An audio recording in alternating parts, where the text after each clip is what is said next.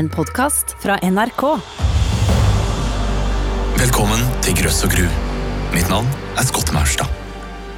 I denne podkasten skal du få høre historiene om de gamle vesenene folk her i nord har trodd på i århundrer. Og i dag skal jeg fortelle om Fanden. Eller Djevelen, som han også kalles. Fanden. Kategori alenevesen. Farlighetsgrad det farligste av alle vesen. Kjønn mannlig. Beskrivelse et ondskapsfullt vesen som henter syndige menneskers sjeler og tar dem med til dødsriket, også kalt helvete. Lokker, frister og forfører mennesker til å gjøre syndige ting. Bestemmer over alle andre vesen og er Guds verste motstander. Kjennetegn. Framstår ofte som en velkledd mann, men under klærne kan han ha hestehover, klør, hale eller horn. Kan også vise seg som en orm, svart katt, hund eller hest. Andre navn Djevelen, Satan, Lucifer, Gamle Erik, Den onde. Nå skal jeg snart be deg google et maleri. For noen år siden skulle Sanderum kirke i Danmark restaureres.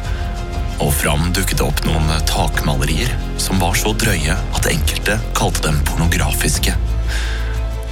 Maleriene viste nakne kvinner og menn, djevler med store, erigerte peniser og bukkehorn som prompet ild ut av rumpa. Maleriene, som viste seg å være 500 år gamle, er slett ikke uvanlige. De ble laget i kirkene til skrekk og advarsel mot en av verdens eldste, mest grusomme vesener.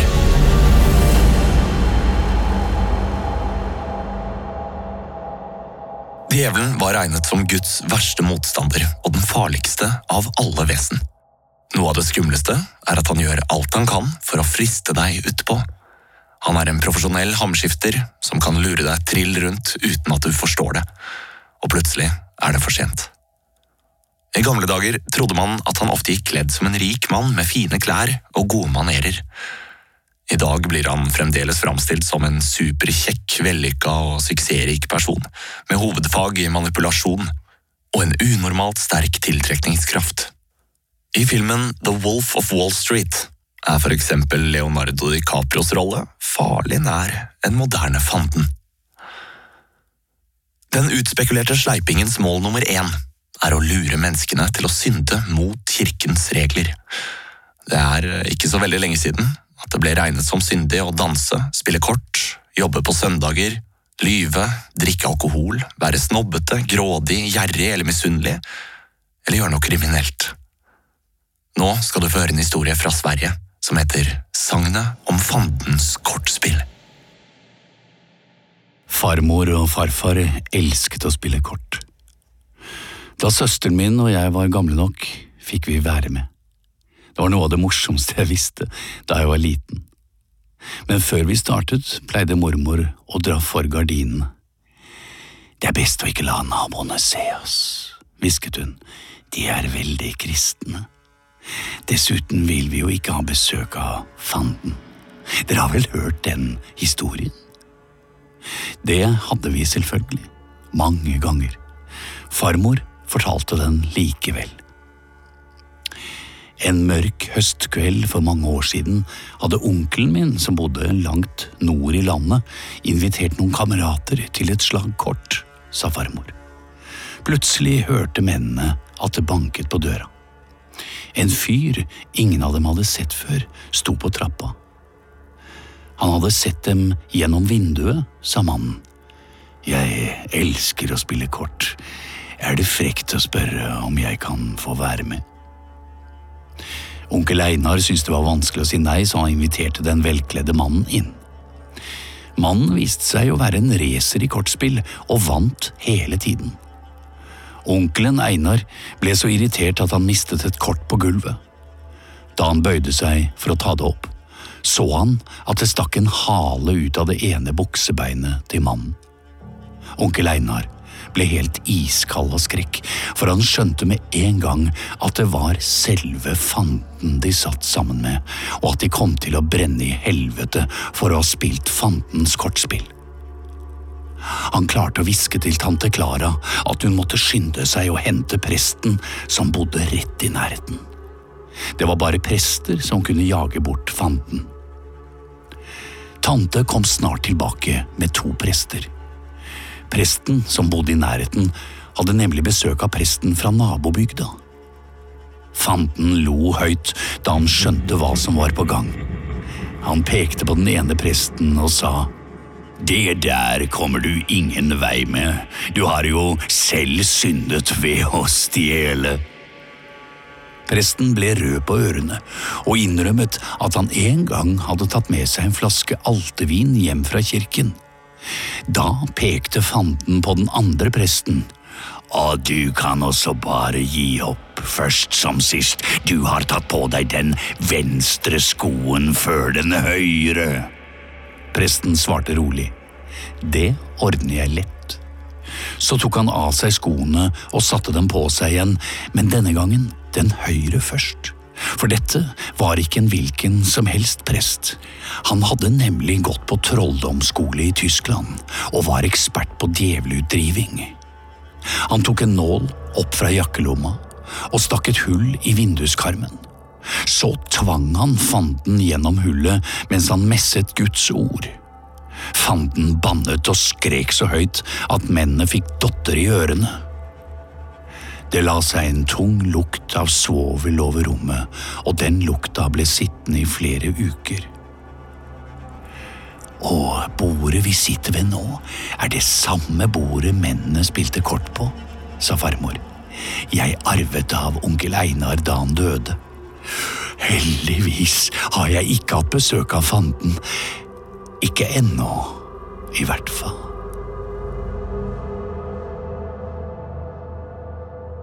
Et av djevelens sikreste kort for å lure oss mennesker inn i fortapelsen, er altså å kle seg ut som en av oss. Hadde han opptrådt som seg selv med bukkehorn og klover, ville vi blitt livredde, og han hadde ikke fått det som han ville. I stedet bringer han lys og glede, penger og suksess, formet som en person vi ser opp til eller har lyst til å være sammen med. En gang for lenge siden, i Horga i Sverige, sier historien at fanden kom forkledd som en dødelig forheksende spillemann. Litt som en popstjerne i dag, kanskje. Tenk deg om en konsert med Justin Bieber kunne drepe. Nå skal du få høre historien om Horgadansen. Det er en sen lørdagskveld, og alle ungdommene i Horga i Sverige har samlet seg til dans på lokalet. Plutselig, midt i en låt, avbrytes musikken og en helt ukjent spillemann trer fram fra skyggen. Han har en stor, mørk hatt på hodet, og under den kunne man skimte et par brennende øyne, hvis man så godt etter. Mannen løftet fiolinen mot haken og begynte å spille en sang som ingen hadde hørt før. Den var utrolig fengende, og alle ungdommene kastet seg ut i dans til de nye tonene. Men når de først hadde begynt å danse, var det umulig for dem å stoppe. Dansen fortsatte gjennom hele natten, og da sola sto opp neste dag, begynte felemannen å bevege seg ut fra danselokalet. Etter ham, på en linje, fulgte de dansende ungdommene. De kunne ikke stanse. Tonene fra fiolinen styrte hele tiden føttene deres. Samtidig som kirkeklokkene ringte inn søndagsgudstjenesten, forsvant Horgas ungdommer med mannen. Bare én jente var igjen i lokalet. Ingen hadde hørt henne da hun advarte dem mot spellemannen. For ingen hadde fått med seg det hun hadde sett. Klovene, som stakk ut under buksebeinet. De var umulig å legge merke til der de var inne i den villeste dansen de noensinne hadde vært med på. Historien forteller videre at spillemannen ledet ungdommene opp på Horgafjellet, der de danset til bare skjelettene deres var igjen. Noen mener at man den dag i dag kan se merkene fra ringdansen på fjelltoppen. Og om du er så modig at du våger deg ut dit en fullmånenatt, sies det at man kan høre musikken som djevelen spilte for ungdommenes dans i døden. På YouTube finnes også en versjon av Horga-låten. Logg deg inn, så kan du selv høre sangen og se om du får dansefoten. Før jeg forteller videre om fanden, tar jeg som vanlig en liten faktastopp. Før i tiden trodde folk på magiske ritualer. Denne uka flaggermusen. Flaggermusen var et av de mest magiske dyrene. Det er lett å forstå fordi det er et nattdyr, og det er om natten de fleste skapninger er aktive. Flaggermusen var venner med djevelen, og kunne derfor bringe ulykke med den. Hvis en gravid kvinne så en flaggermus, trodde man at babyen ville ha smeltede fingre, noe som ligner på flaggermusens vinger. Men flaggermus ble også brukt for å ha flaks. Hvis du festet en flaggermusvinge til arbeidsredskapene, var innhøstingen god. I tillegg ble det antatt at flaggermusblod kunne vekke noens kjærlighet, for eksempel hvis du droppet det i noens mat eller drikke. Tilbake til fanden. Mange trodde at folk som lå for døden, kunne beskytte seg mot fanden ved å ha en baby eller en gravid kvinne ved siden av seg på dødsleiet, siden fanden ikke hadde makt over dem. Man kunne også be en prest komme og lese bort fanden fra en person eller et hus. Men det funket bare hvis presten selv aldri hadde syndet, og aller best var det hvis presten hadde gått på trolldomsskolen i Tyskland og skaffet seg en svartebok der. De prestene kunne man kjenne igjen på at de aldri kastet skygge. Det var også noen som solgte sjelen sin frivillig til fanden for å få suksess i livet, for eksempel få masse penger eller bli veldig talentfull i noe. Dette ble kalt å skrive kontrakt med fanden, men prisen var høy. Når disse menneskene døde, måtte de lide i helvete i all evighet. En måte å inngå denne kontrakten på var å binde fast en bibel under den ene foten og en salmebok under den andre, og så, tre torsdagsnetter på rad, gå baklengs rundt kirken sju ganger. Hver gang man passerte kirkedøra, skulle man blåse inn i nøkkelhullet. Den tredje torsdagsnatta skulle man skrive kontrakten på et papir med blodet fra lillefingeren sin og dytte papiret inn under kirkedøra. Men man kunne gjøre det på en enklere måte også. Det var bare å gå til nærmeste veikryss tre torsdagsnetter på rad. Den tredje torsdagen kom fanden og spurte hva man ville.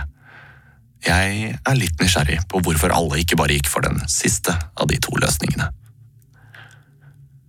Når kloke koner og menn, altså de som kunne magi, samarbeidet med fanden, ble det kalt for Satans pakt. I mange århundrer var for eksempel heksene anklaget for å spille på lag med djevelen. I Vardø, helt nord i Norge, ble 91 kvinner grufullt brent levende på bålet gjennom hele 1600-tallet, fordi de som bestemte, trodde at kvinnene var hekser. I virkeligheten var de helt vanlige damer som levde langs kysten, men myndighetene mente at de hvert år, natt til 1. mai, satte seg på sopelimet sitt og fløy til Bloksberg, et fjell i Tyskland, hvor de festet vilt sammen med djevelen og hans demoniske tjenere. I Sverige hadde man sitt eget Bloksberg, som kaltes Blåkulla, hvor heksene og fanden holdt groteske fester der de spiste helstekte barn og drakk flaggermusblod. Her ble mange kvinner drept etter falske vitnesbyrd fra barn. Hvordan disse historiene oppsto, får du høre her, i et utdrag fra Yang Guillaus bok Heksenes forsvarere. Om høsten i 1667, i slutten av september eller begynnelsen av oktober, var det Gjerterud ute og gjette geiter ved et sted som het Homanseng, i nærheten av elven. Hun var elleve år gammel og hadde ikke bare ansvaret for geitene, men sikkert også for den to år yngre Mats Nilsson. I seterkulturen var små barns arbeid slikt som kunne utføres i hjemmet eller i nærheten av ens egen landsby og gutter og jenter kunne uten problemer utføre oppgavene sammen. Når guttene ble ynglinger, sluttet de å arbeide med andre dyr enn hester, og når jentene ble eldre, kunne de ta til med sommerarbeid på setrene, der de fremstilte ost og smør, et arbeid som ble tillagt stor verdi både økonomisk og i sosial prestisje. Men nå denne satanshøsten var Gjertrud og Mats ute sammen for å passe landsbyens geiter. En gang i løpet av dagen ble de uvenner om et brødstykke. Det ble slagsmål, og den to år eldre Gjertrud vant. Senere på ettermiddagen oppdaget de at noen av geitene hadde forvillet seg ut på en liten elveholme som het Lisleøen. Det hadde regnet mye den sommeren, og elven gikk kanskje noe striere enn det som var vanlig såpass tidlig på den fargerike høsten. Uansett våget ikke Mats seg ut i elven, selv om Lisleøen lå like ved bredden. Så det ble Gjertrud som vasset over og leide geitene tilbake med et fast grep om hornene, slik at hun gikk stødigere selv også. Det er hele historien, i hvert fall slik som vi kan tolke og forstå den i ettertid. Det var bare dette som faktisk hendte.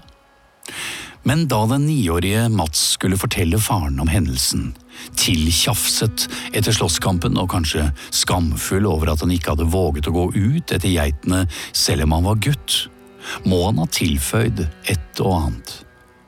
Han kom med en overnaturlig forklaring på at Gjertrud kunne vasse ut i elven, men ikke han. Den trøstende faren tok parti med den lille sønnen sin, naturlig nok, og det spørs om faren ikke overdrev litt, eller i alle fall pyntet på historien, da han traff nemndmannen Olof Madsson i nabolandsbyen. Og nemndmann Madsson forbedret sikkert historiens dramatikk da han i sin tur gjenga den for landsbyens sogneprest Lars Elvius. Dermed var styggen løs. For den versjonen av hendelsen på Lisløen som Lars Elvius nå måtte ta stilling til, gikk ut på at Gjertrud hadde kunnet gå på vannet som Jesus Kristus selv. Men dette mirakelet hadde en ond forklaring, for Gjertrud hadde først påkalt djevelens hjelp, noe hun også hadde fått. Djevelen hadde innfunnet seg i egen høye person og smurt Gjertruds bein og føtter med en tryllesalve. Derfor hadde hun og ikke lille Mats kunne redde geitene. Sogneprest Lars Elvius grep saken an med stort alvor. Han sette bud på Gjertrud og tok fatt på en lang serie forhør. Disse vet vi dessverre ingenting om, for han førte ingen protokoll. Forhørene varte imidlertid i flere måneder, og må ha gått ut på at Gjertrud skulle erkjenne en pakt med djevelen. Hun nektet, lenge og iherdig, men på nyåret 1668 fikk sogneprest Elvius hjelp av en Erik Eriksson, 15 år gammel. Erik kunne fortelle at Gjertrud så visst ofte hadde dratt til Bloksberg, og at hun dessuten hadde ført en av småsøstrene hans dit, foruten en del andre navngitte barn. Forhøren med Gjertrud hadde ikke akkurat vært noen hemmelighet på bygda og siden sognepresten tok saken så alvorlig, hadde han på forskjellige vis nevnt den for de fleste av sognebarna, både fra prekestolen og som sjelesørger. Det ene øyenvitnet etter det andre meldte seg beredvillig, og slik ble situasjonen uholdbar for den nektende Gjertrud. Det klokeste for hennes del ble å tilstå så mye som folk forventet, selv om Gjertrud ikke var tilstrekkelig vel bevandret i kristen tro, særlig ikke i de vanskelige betraktningene omkring nådens under, bør den samvittighetsfulle sognepresten ha gjort sitt beste for å forklare saken. Først med bekjennelsen kan en kristen få tilgivelse av Gud og mennesker men den som nekter, slik den allerede overbevisende Gjertrud gjorde, og som dermed holder fast ved synden, forbryter seg ytterligere mot både Gud og mennesker. Konsekvensen av dette er lett å forstå, og i religiøs forstand er den fullstendig logisk. Tilstå, så kan alt tilgis. Men å tilstå noe som ikke er sant, hadde sine problemer nemlig det raskt økende kravet om å forklare nærmere. Hvis du nå drar til Bloksberg, slik vitnet forteller, og slik du så velvillig har tilstått, hvem var det da som lærte deg den onde kunsten? Hvem av sambygdingene dine har du sett på Bloksberg?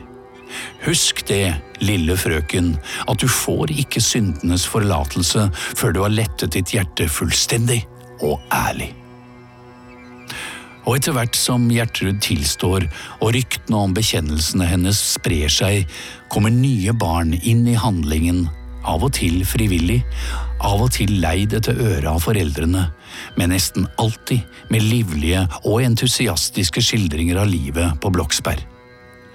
Ennå skjønte ikke barna hvilke uhyggelige konsekvenser fortellingene deres skulle få. Og senere, når den saken åpenbarte seg i all sin blodige virkelighet, var det for sent å begynne å ta noe tilbake. Disse barnehistoriene var starten på en hysteri som endte i at nesten 300 mennesker ble brent på bålet i Sverige. Man anslår at i underkant av 60 000 personer ble dømt til døden for trolldom og hekseri i Europa og Nord-Amerika. Troen på fanden bredte om seg samtidig som kristendommen kom til Norden, altså ca. år 1050. Troen på de andre vesenene fra den gamle folketroen fantes altså allerede før fanden. Men prestene laget sin egen versjon og sa at de gamle vesenene hadde kommet til jorden samtidig med fanden. Det var eh, falne engler som Gud hadde kastet ut fra himmelriket. Selv om vi ikke lenger tror så sterkt på djevelen som en faktisk person, er han fremdeles til stede som den onde fristeren i mange moderne historier, sånn som i It-filmene. Nå som vi nærmer oss veis ende, kan du google Sanderum kirkemaleri. Heldigvis har menigheten latt takmaleriet bli stående. Og kanskje, hvis du kikker nøye etter neste gang du er i en kirke, kan det hende du oppdager et vesen med bukkehorn et eller annet sted i et maleri. Det er nemlig ikke uvanlig. Helt til slutt vil jeg dele et knep som man i nordisk folketro trodde virket, og som vanlig var det litt ekkelt. Her er et eksempel på hvordan man trodde at man gjennom magi kunne få noen til å bli frisk, ved å kaste ut sykdommen til vesenene. Ta sju eller ni deler fra den sykes kropp eller klær, for eksempel negler, hår eller trådbiter. Gå deretter baklengs tre torsdager på rad ved midnatt til et veikryss, og kast alt med venstre hånd over venstre skulder, med ryggen vendt mot veikrysset. Si samtidig remsen Ta dette og la navnet på den som var syk, være i fred. Grøss og gru er produsert for NRK av Svarttrost Produksjoner. Mitt navn er Scott Maurstad. Du hørte også stemmene til Dennis Storhøy og Espen Sandvik. Manusredaktør er Ingrid Greaker Myhren og Kjersti Kvam. Denne serien er bygget på den svenske bokserien Vesenologi av Ingela Korsell. Musikk, klipp og lyddesign er av Peter Baden. Redaktør i NRK er Gitte Kalmeier.